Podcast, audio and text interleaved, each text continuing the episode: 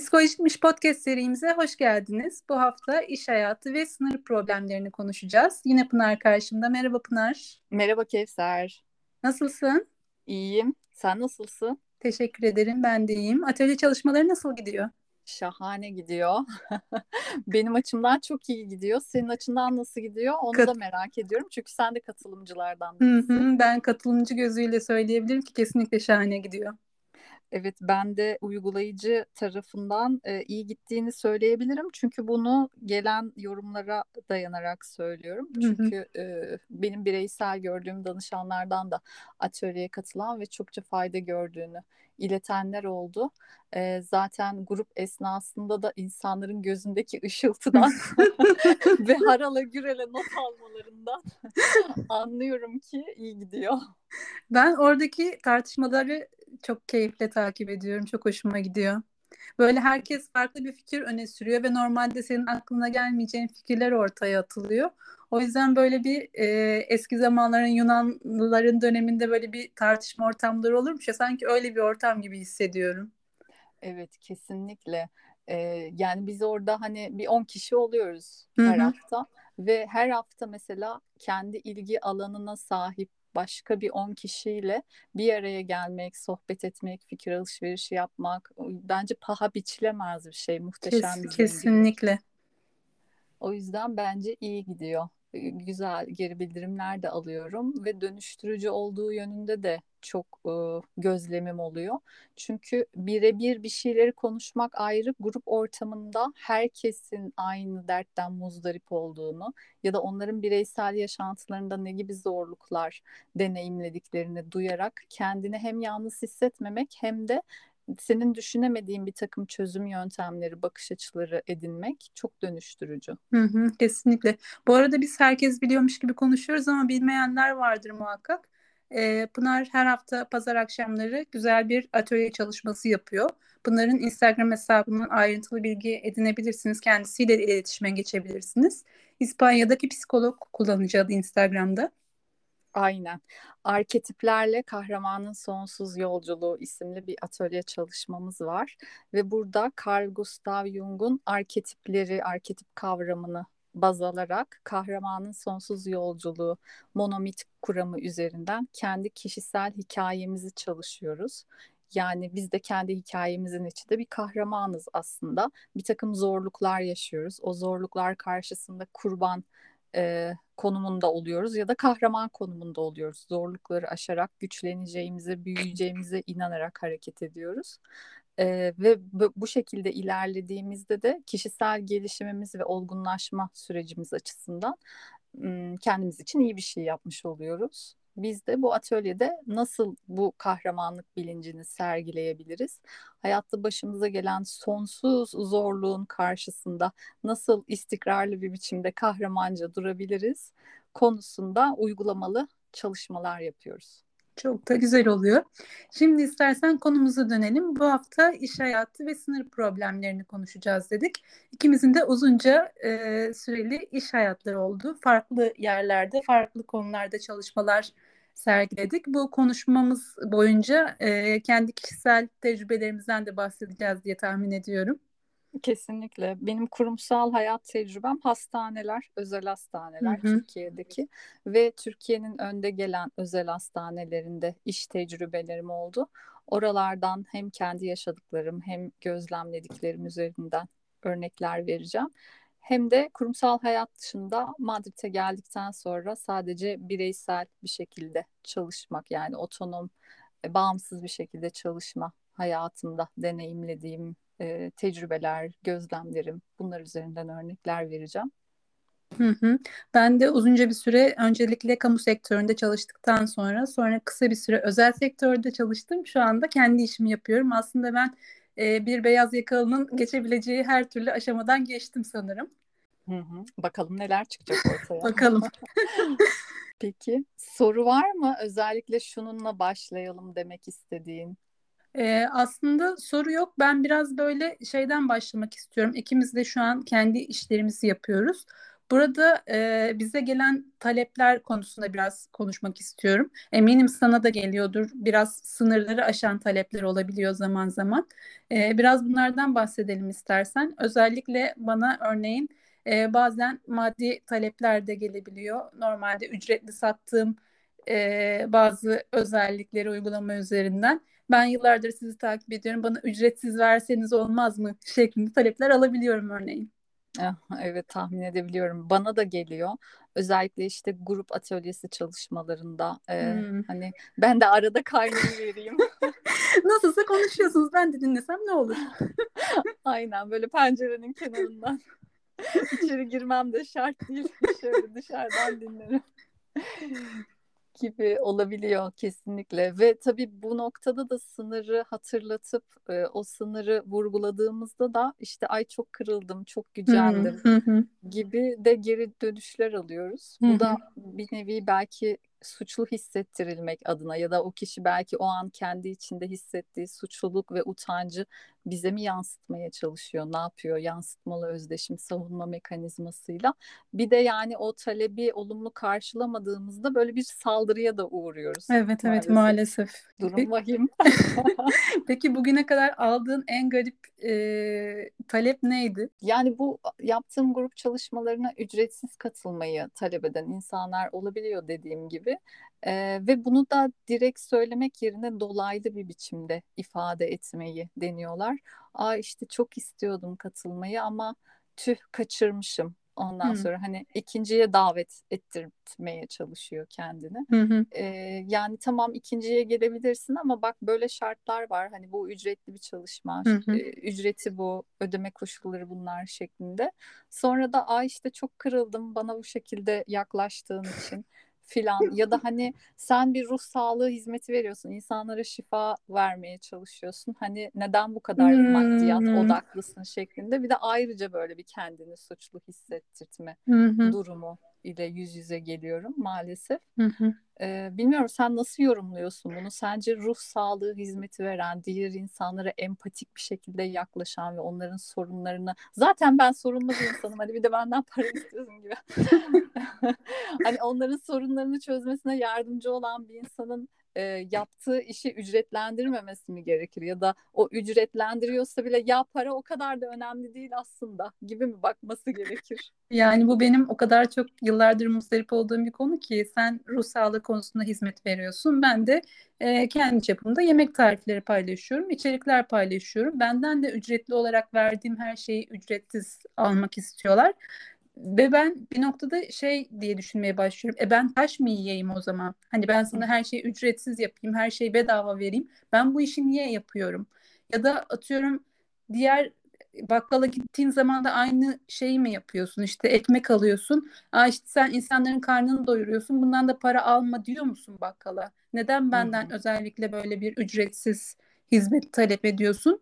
Ben şaşırıyorum ve aslında bu biraz insanlarda e, şeyin oturmamasıyla da alakalı. Maddi olarak yani sen ona bir şey vermiyorsan, somut bir şey vermiyorsan ona sanki para ödememesi gerekiyormuş gibi hissediyorlar. Bundan en çok sanırım avukatlar muzdariptir diye tahmin ediyorum. Çünkü onlara da eş dost e, çevresindeki insanlar ufacık bir şey danışacağım diye böyle bir saatini alıyor ve karşılığında para vermiyorlar muhtemelen. Ya da bu tür talepler alıyorlar. E, bunu şeye bağlıyorum dediğim gibi insanların e, somut olarak eline bir şey geçmediği zaman para vermemesi gerekiyormuş gibi bir algıları var. Evet olabilir kesinlikle.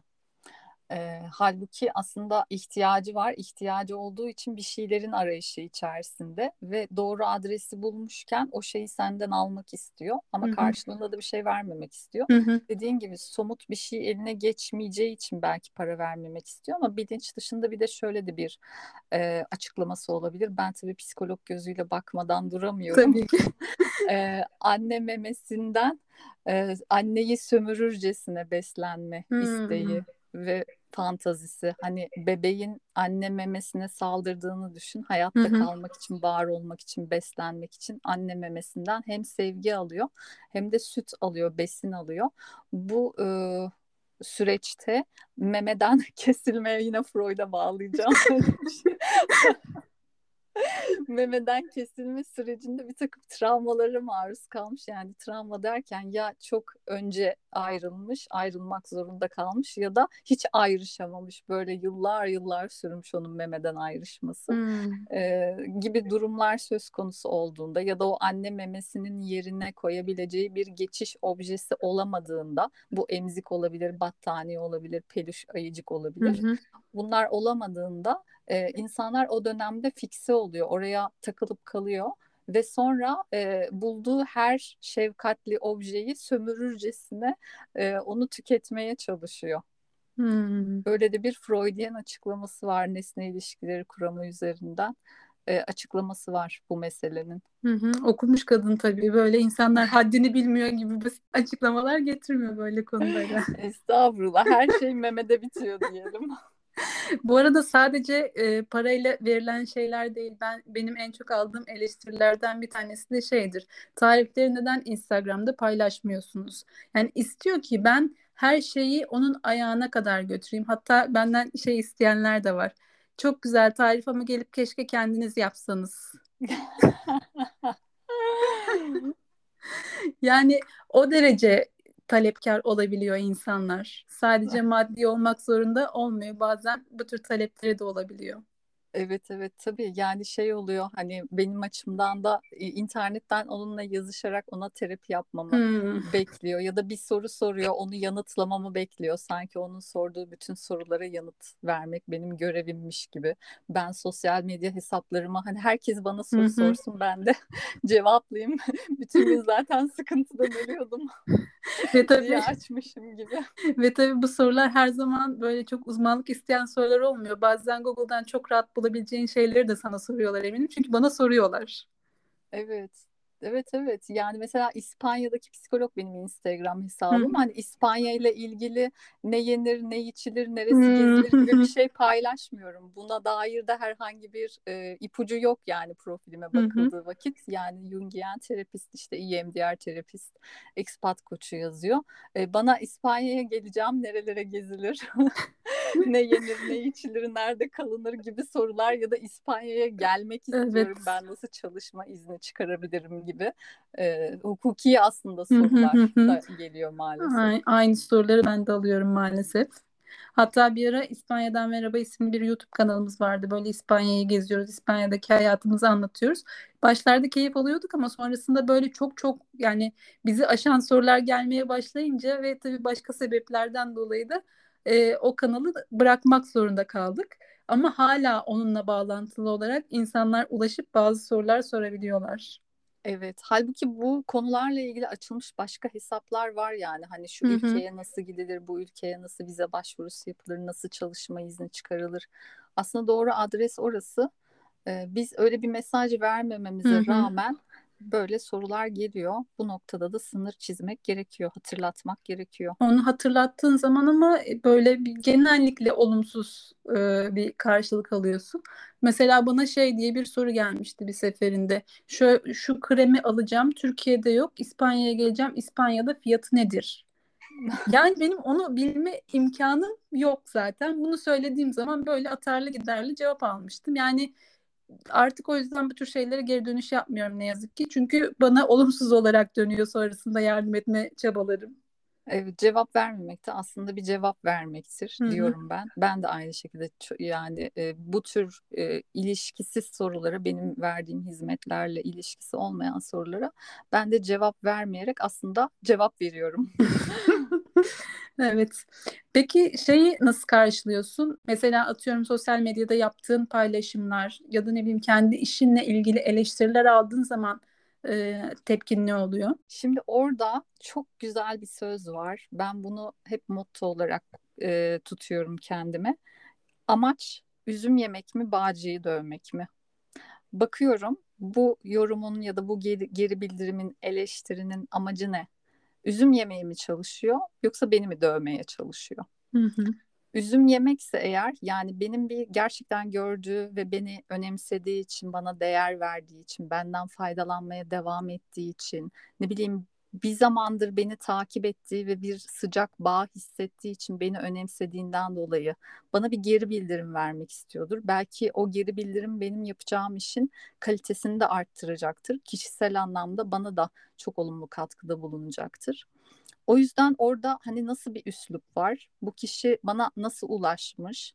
Ee, hangi kanaldan ulaşmış? Ondan sonra e, hani içerik ne? konuyu nasıl anlatıyor, nasıl ele alıyor bunları çok önemsiyorum. Eğer bu konularda e, kafama yatıyorsa evet bu kişi beni önemsiyor ve amacı aslında üzüm yemek ve e, verdiği geri bildirim de kıymetli. O zaman tabii ki bunları kabul ediyorum, cebime koyuyorum. Hı hı. O an canımı yaksa bile ya evet bu bana ağır geldi, canımı şu an acıttı. Beni bir takım gölgelerimle yüzleştirdi. Belki yetersizliğimle yüzleştirdi. Ee, ama olsun hani yetersiz de olabilirim her konuda mükemmel olmak zorunda değilim Hı-hı. eksiklerim de olabilir ve şu an bu kişi bu eksiğime işaret ederek bana bir geri bildirim veriyor ve ben bunu kendi dönüşümüm için gelişimim için nasıl bir fırsata çevirebilirim gibi bakarım. Ama diğer taraftan eğer amaç bağcıyı dövmekse bu çok net bir şekilde anlaşılıyor gelen yorumlardan. Ee, yani mesela hani şey yazanlar oluyor. Ücretleriniz çok pahalı. yani e, e, yani so what hani ne yapalım peki yani. hani senin önerin nedir? Orada anlaşılıyor yani. Ba- başka hesaplara da bakıyorum mesela. Hani çok başarılı bir iş kadını mesela işte benzer bir alanda çalışıyor. Hı-hı. Takip ettiğim bir e, hesap var. Hani benimle yakın yer, yaptığı şey, verdiği hizmetler çok da başarılı. E, ve altına işte paylaşımlarının altına işte o kadar para kazanıyorsunuz işte kimseye yardım etmiyorsunuz ondan sonra ücretsiz de şey yapmanız lazım hizmet vermeniz lazım vermiyorsunuz falan gibi böyle suçlayıcı suçlayıcı şeyler geliyor. hani orada anlaşılıyor yani burada amaç bağcıyı dövmek üzüm yeme niyeti falan yok burada diye anlıyorsun. O, o noktada da hiç üzerine almaman gerektiğini hissediyorsun zaten. Benim hala zorlandığım durumlar olabiliyor. Bu tabii ki karşımdaki kişinin tavrıyla da alakalı. Örneğin e, herkesin yapıp bugüne kadar hiç olumsuz bir yorum almamış bir tarife e, birisi şey diyebiliyor. Yaptım çok kötü oldu beğenmedim. Yani ne kötü oldu neyi yanlış yaptın herhangi bir şey yok. Ta, e, yaşadığı tecrübeyle ilgili herhangi bir bildirim de vermiyor. Buna e, eğer hani acaba problem sende olabilir mi gibi bir şey yazarsam çok kötü bir geri dönüş alabilirim. Ben çok suçlayıcı bir dönüş alabilirim. Ya da altını biraz kazıdığım zaman bazen şey çıkabiliyor. Yani tarifi yapmış ama o kadar çok değişiklik yapmış ki tarifte. Aslında tarifi yapmamış. Genellikle biraz şey yapmaya çalışıyorum son zamanlarda. Hani tam olarak problem neydi? Hani söylersen birlikte çözüm bulabiliriz gibi. O biraz işe yarıyor gibi ama herkeste de işe yaramıyor maalesef. Dediğim gibi tamamen karşındaki kişiyle alakalı aldı, alacağın tepki. Evet o noktada işte memeyle ilgili problem olan insanlara denk gelirsen Kevser seni yakalamışken hazır ilgileniyor benimle beni önemsedi bana değer verdi hmm. bana soru soruyor diye seni sömürdükçe sömürür yani gecenin evet. bir vakti bile yazar. Aa, zaten öyle yani bazen gerçekten öyle olabiliyor hani sadece ufacık bir soru sorup onun üzerine beş kez falan böyle karşılıklı bir mesajlaşıyoruz bana aynı şeyi tekrar tekrar sorup tekrar tekrar söyletiyor zaten cevap verdiğim şeyi. Tahmin edebiliyorum. ya tabii pek çok mesleğe bakarak bunlar çok küçük problemler gibi görünebilir ama hani bunları sen konuşmazsan ben konuşmazsam bunlar hiçbir zaman düzelmeyecek. İnsanlara da yanlışlarını söylemek gerekiyor ki e, düzeltsinler bir noktada ya da farkına varsınlar en azından. Evet neticede bunlar da bizim yaşadığımız şeyler yani şurada azıcık içimizi dökmeyelim mi? yani bir de bu var. Kesinlikle. Bu eleştirilerden bahsetmişken aslında eleştiri konusunu biraz daha açmak istiyorum ben. Ee, sence eleştiri nedir? Eleştiriye açık olmak nedir? Eleştiriye kapalı olmak nedir? e, eleştiri benim daha önce okuduğum bir e, makaleden yola çıkarak hani kritik İngilizce kritik kelimesinden geliyor hı hı. ve kritik e, tamamlamak anlamına geliyor kelimenin köken e, formu açısından incelediğimizde de eksik olan bir şeyi tamamlamak, bütünleştirmek anlamına geliyor diye okumuştum. Şimdi burada insan doğasının tamamlanmaya yönelik bir arzusu vardır. Böyle hani bir melodi tamamlandığında e, böyle hoş gelir bize. Böyle oturur böyle içimize. Hah deriz tamam bu oldu. Ya da bir resme baktığımızda o bitmiş halini gördüğümüzde ah deriz tamam. Bir tatmin duygusu yaşarız. O yüzden e, tamamlanmak hani olumlu bir şekilde eleştirilerek yani senin oradaki eksiğini sana işaret ederek seni önemsediğini hissettirerek senin o ortaya çıkardığın ürünün tamamlanması için sana bir katkı sunulması bence harika bir şey. E, bunu almaya açık olmak da harika bir şey. Bunu verecek olgunluğa sahip olmak da harika bir şey. Çünkü bazen insanlar hani gerçekten yapıcı bir şey söylemek istiyorlar ama onun e, nasıl ifade edileceğini de bilmiyorlar. Ya da Hı-hı. ifade etmeye cesaret de edemiyorlar. Peki eleştiriye kapalı olmak nedir? eleştiriye kapalı olmak da aslında o duyduğun şey senin gölge tarafına dair bir şeyleri tetiklediği için hani kendinde görmek istemediğin, ortalıkta dolaşmasını istemediğin, depona attığın şeyleri tetiklediği için e, onunla muhatap olmak istemiyorsun. Çünkü ona muhatap olduğunda bir şekilde canını yakacak ya da hoş olmayan duygular uyandıracak sende. O duyguların adını bile koyamıyorsun ama muhatap olduğunda kötü hissediyorsun. O yüzden eleştiriye kapalı oluyorsun. Bir savunma mekanizması uyguluyorsun orada ve görmezden geliyorsun gelen eleştirileri yapıcı bile olsa. Ya da çok fazla kendini savunmaya geçiyor olabilirsin belki. Tabii yani o da bir savunma mekanizması. Entelektüelleştirme ya da mantığa vurma dediğimiz bir savunma mekanizması çok kullanılır. Hani yaptım ama niye yaptım sor bana meselesi. Hani öyle güzel anlatır ki neden yaptığını. e, Aa dersin ha evet pardon çok özür dilerim. Benim genellikle e, çalışma hayatımda eleştiriyle ilgili şöyle tecrübelerim oluyor. Bir tarif paylaşıyorum. Birisi diyor ki Kevser Hanım e, o tarife maydanoz yakışmış mı sizce? Bence yakışmamış kullanmayın. Ben de diyorum ki ben kullanmayı tercih ettim. Sen istersen kendin yaparken kullanmayabilirsin. Bana diyor ki eleştiriye ne kadar kapalısın. Yani ben burada şey soruyorum kendime. Eleştiriye açık olmak kendinden ödün verip yaptığın bir tercihi değiştirmek midir? Hmm.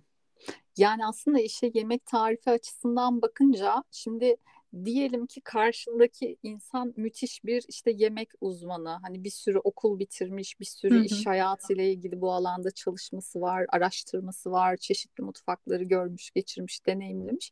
Yani ondan aldığın bir eleştiriyle yani işte bence koyulur, bence koyulmaz şeklinde yorum yapan bir insandan aldığın eleştiri arasında da fark var. Belki hani o ilk söylediğim işte yemekle ilgili müthiş akademik eğitimleri ve iş tecrübesi olan bir insandan gelen bir eleştiri olsaydı hı hı. nasıl dinlerdin? Yani onun bu üslupla yorum yapmayacağını düşünüyorum.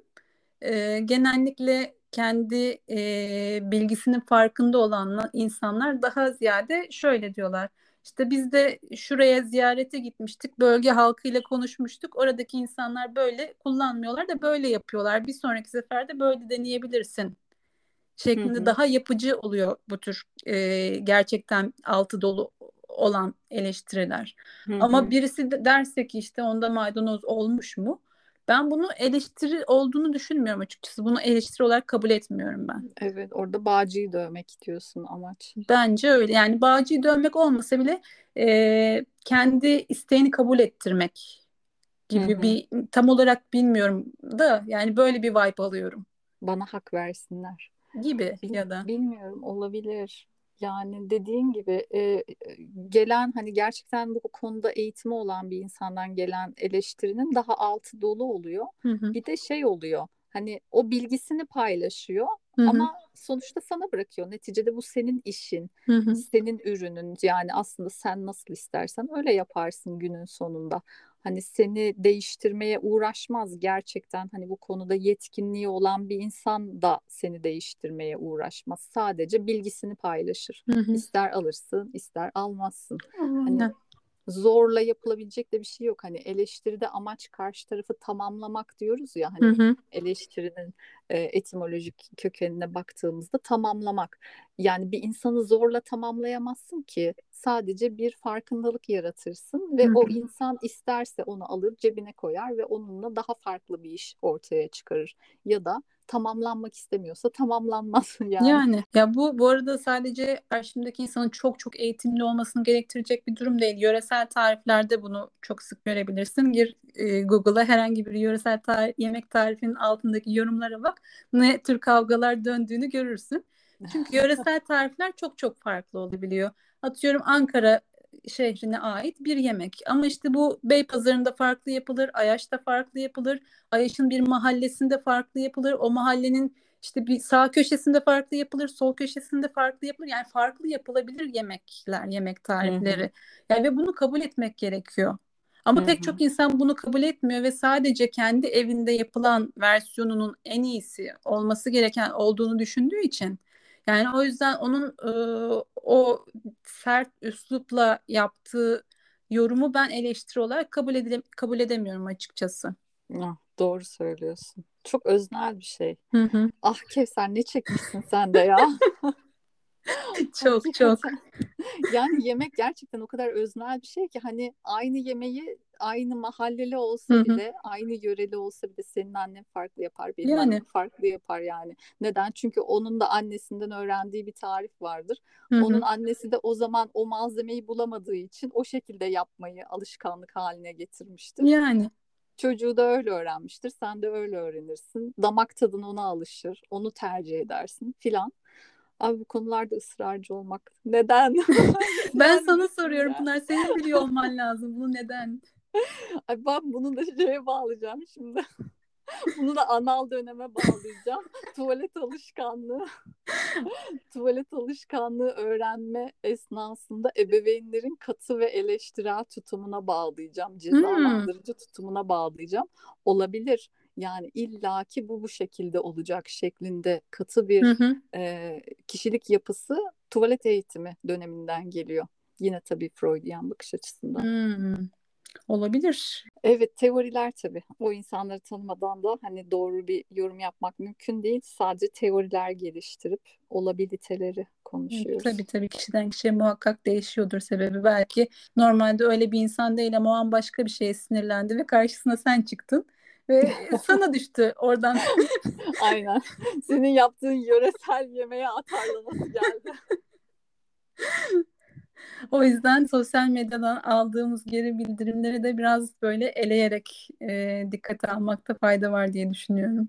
Evet, evet. Ama bak çok paralel geliyor şimdi. Mesela tuvalet eğitimi veren bir anne çok katı ve cezalandırıcı ilerlediyse bu konuyla ilgili. Sonra onun evladı olan birisi o yöresel yemeği de zaten annesinden öğrendiği hmm. için başka birinin onu daha farklı bir biçimde yapmasını tolere edemiyor hmm. annesinin ona yaklaştığı biçimde yaklaşmaya çalışıyor sana da. Gerçekten çok çok mantıklı geliyor kulağa. Çözdük meseleyi. Peki ben bu tür yorumlara böyle bunun aynısı şeklinde cevap versem ne karşılık alırım acaba? Ay keser taş, taşlanırsın valla. Kesinlikle o yüzden o topa hiç girmeyeceğim. Ama en azından bu farkındalığa eriştim. Biraz daha e, normal karşılayabilirim o yorumları diye düşünüyorum Aynen. artık. Aynen. Onların anal döneminde sıkıntı var gibi düşün.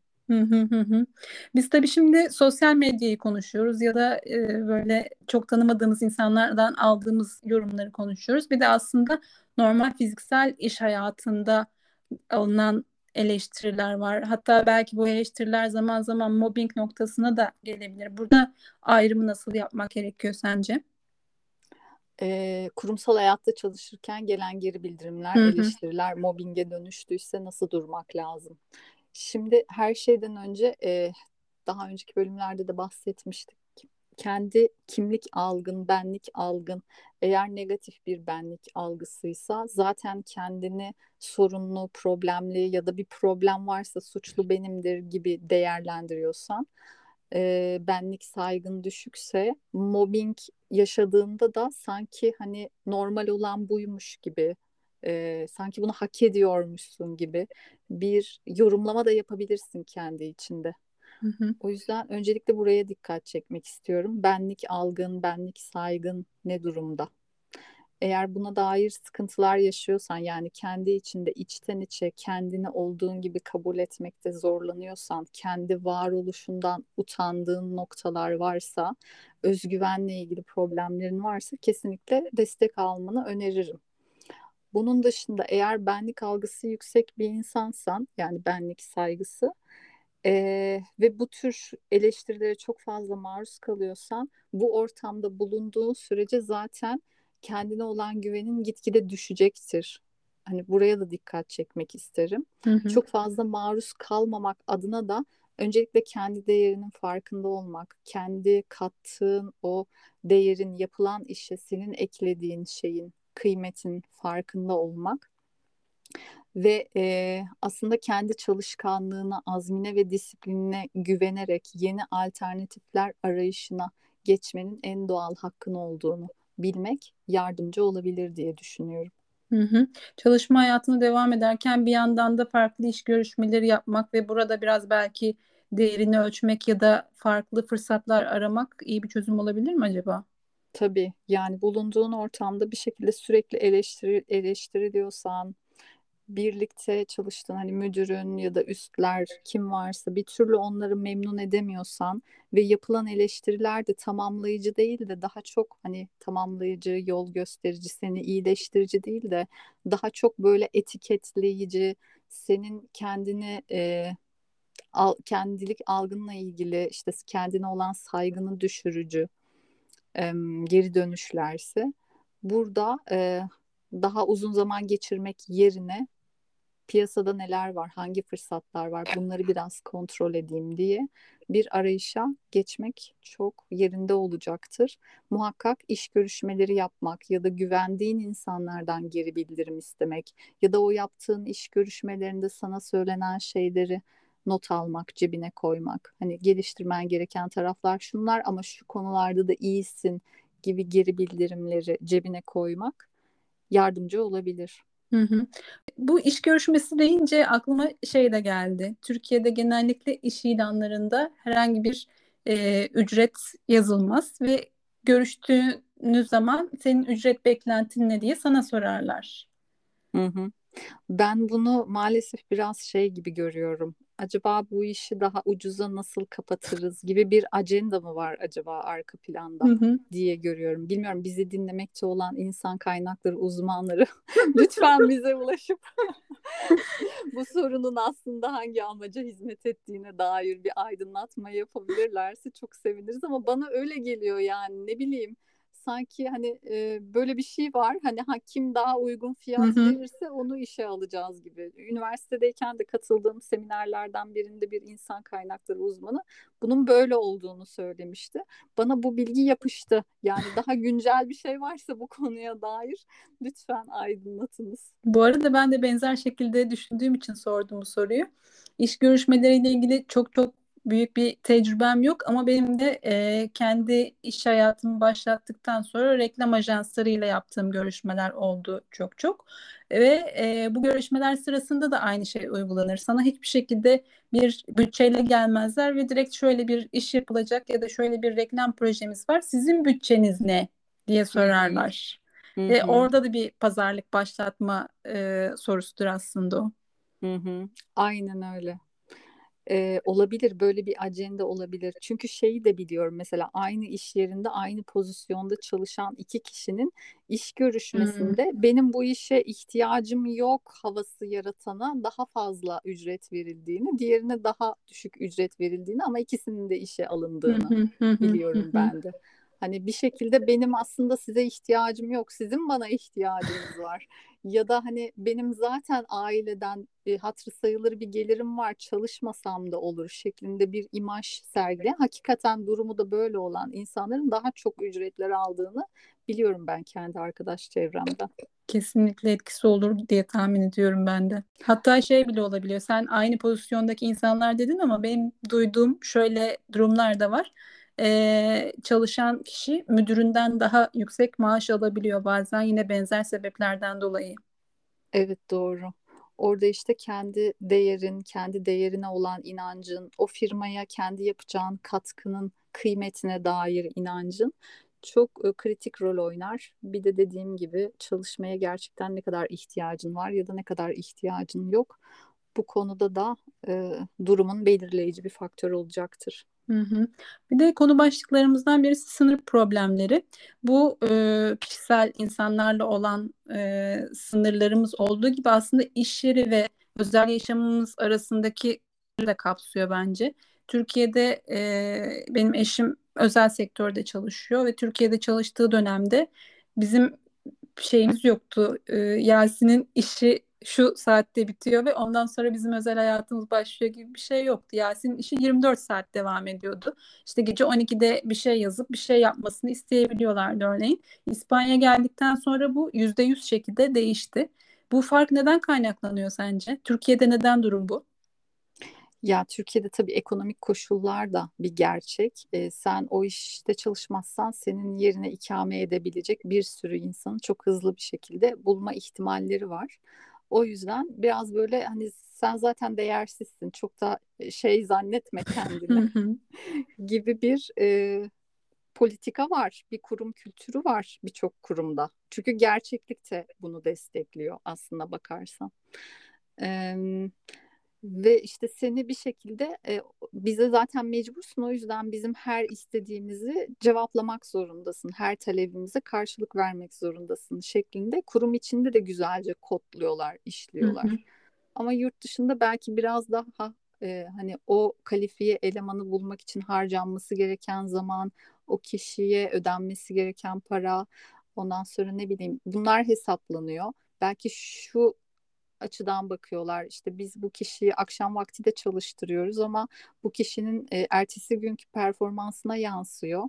E, o akşam yaptığı çalışma ve performansı düşüyor. Hani zaten e, tatili var, tatillerini değerlendirmesi gerekiyor, kullanması gerekiyor. Gün içerisinde de dinlenmesi gereken saatler var, onları kullanması gerekiyor şeklinde bir bakış açısı var ve bunu destekleyen yasalar da var. Hakikaten bu yasalar da uygulanıyor. O yüzden böyle bir farklılık olsa gerek diye düşünüyorum. Hı hı, muhakkak etkisi vardır ama ben sadece bundan kaynaklandığını düşünmüyorum açıkçası. Biraz hı. şey de var Türkiye'de.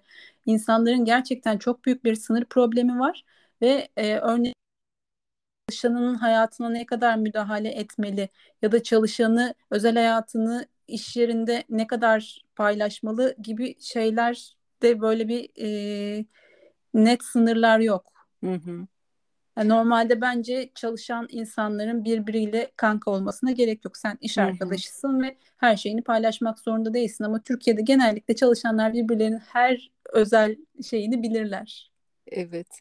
Yani bütün ihtiyaçlarını iş yerindeki ortamda karşılamaya çalışma. Hı hı. Buna sevilme ihtiyacı, sevme ihtiyacı, hı hı. yakınlık ihtiyacı, eğlence ihtiyacı da dahil. Ama Keser belki bunları karşılayacak başka zaman kalmıyordur yani mecburen. ya işte bence bir noktada bir şey değiştirmen lazım ki onları karşılayacak zaman da kal- kalsın sana. Evet evet.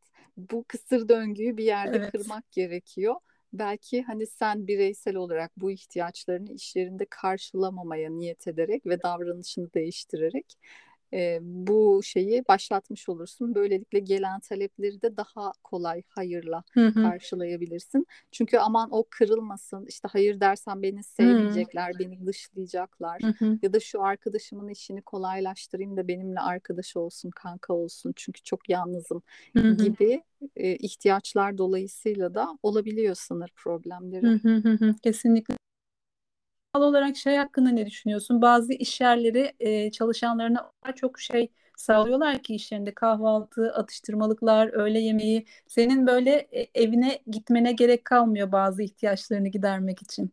Oo evet. Benim evet özel hastanelerde çalıştığım dönemde hakikaten bizi çok şımartırlardı Kevser. Özellikle bazı özel hastaneler çok zengin kahvaltılar sunar ya da böyle öğlen aralarında ilaç firmalarının da desteğiyle çok güzel yemekler hazırlarlar, getirtirler. Hı hı. Bunlar cezbedici, tabii çekici faktörler. ne, ne zararı var ki?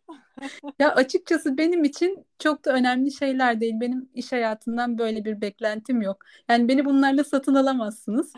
beni satın almak istiyorsanız bana para vermeniz lazım.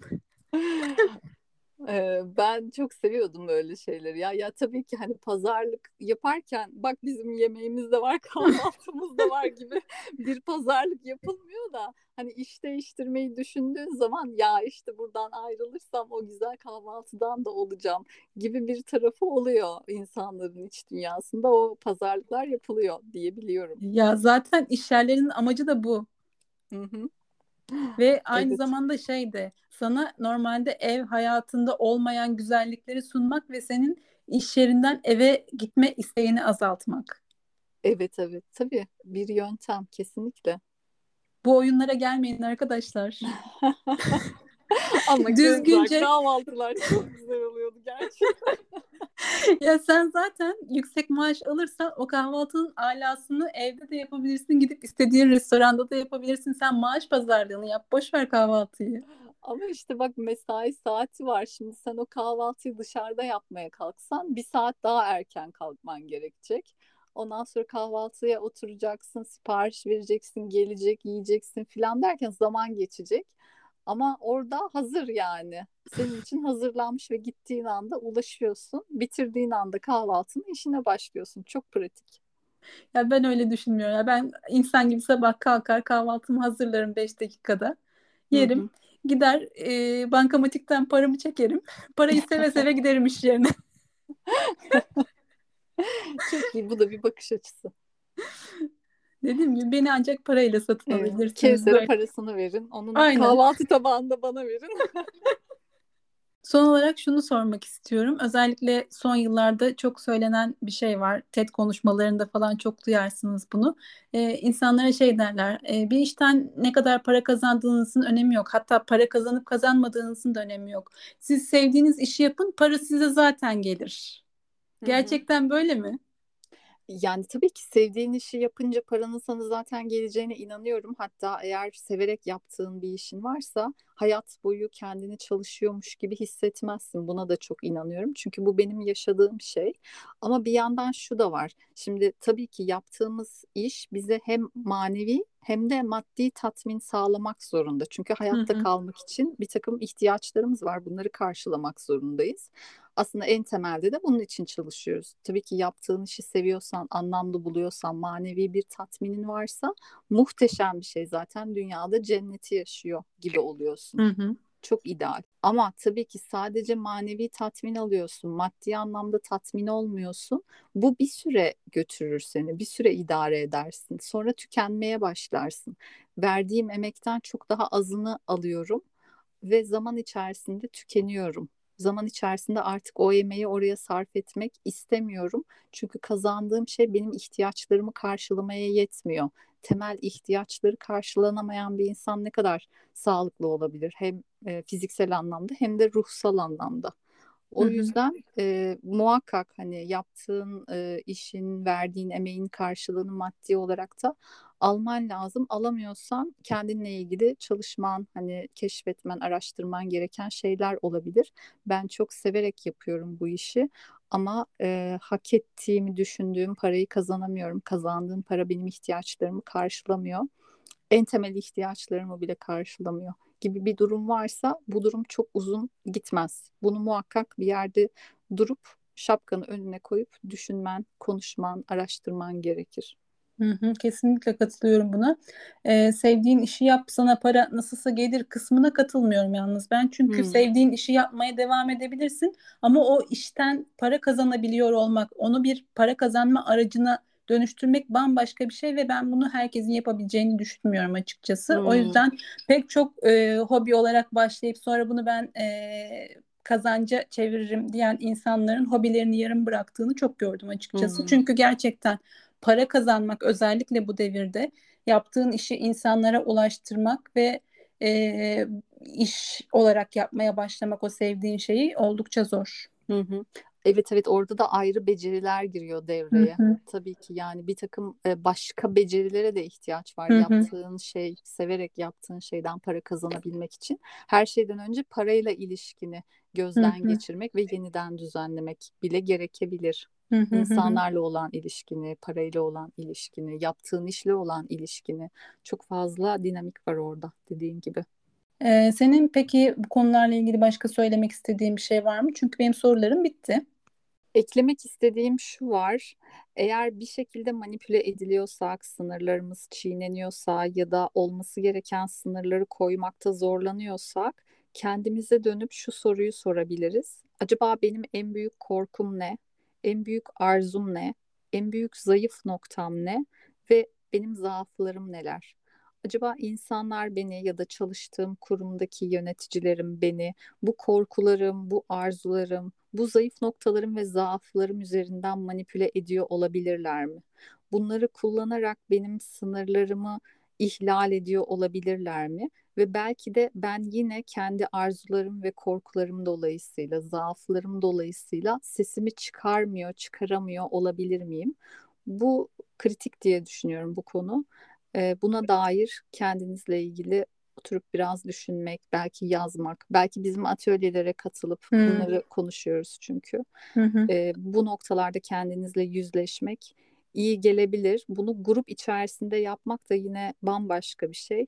Çünkü kendinize bile itiraf edemediğiniz bir şeyi grubun o destekleyici ortamı sayesinde başka insanların önünde konuşabildiğiniz zaman e, emin olun çok dönüşüyorsunuz ve müthiş bir özgüven, sağlam hani balon bir özgüven Hı değil, hı. sağlam bir özgüven de kazanmış oluyorsunuz.